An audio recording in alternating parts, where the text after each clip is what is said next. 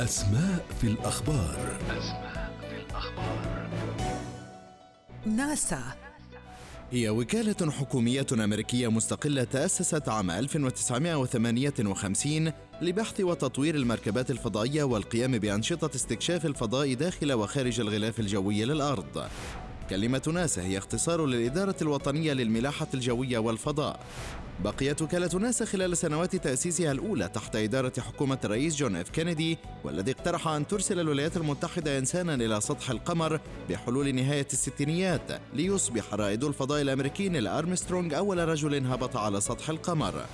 زارت مسابير وكالة ناسا كل كوكب في النظام الشمسي والعديد من الأجرام السماوية الأخرى بالإضافة إلى أن التلسكوبات الخاصة بها قد مكنت العلماء من استكشاف مناطق بعيدة في الكون.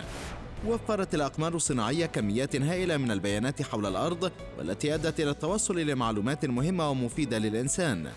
ساعدت اختبارات وكالة ناسا المهندسين على تحسين النقل الجوي وساهمت تقنياتها في العديد من الأنشطة المستخدمة في الحياة اليومية. أسماء في الأخبار. أسماء في الأخبار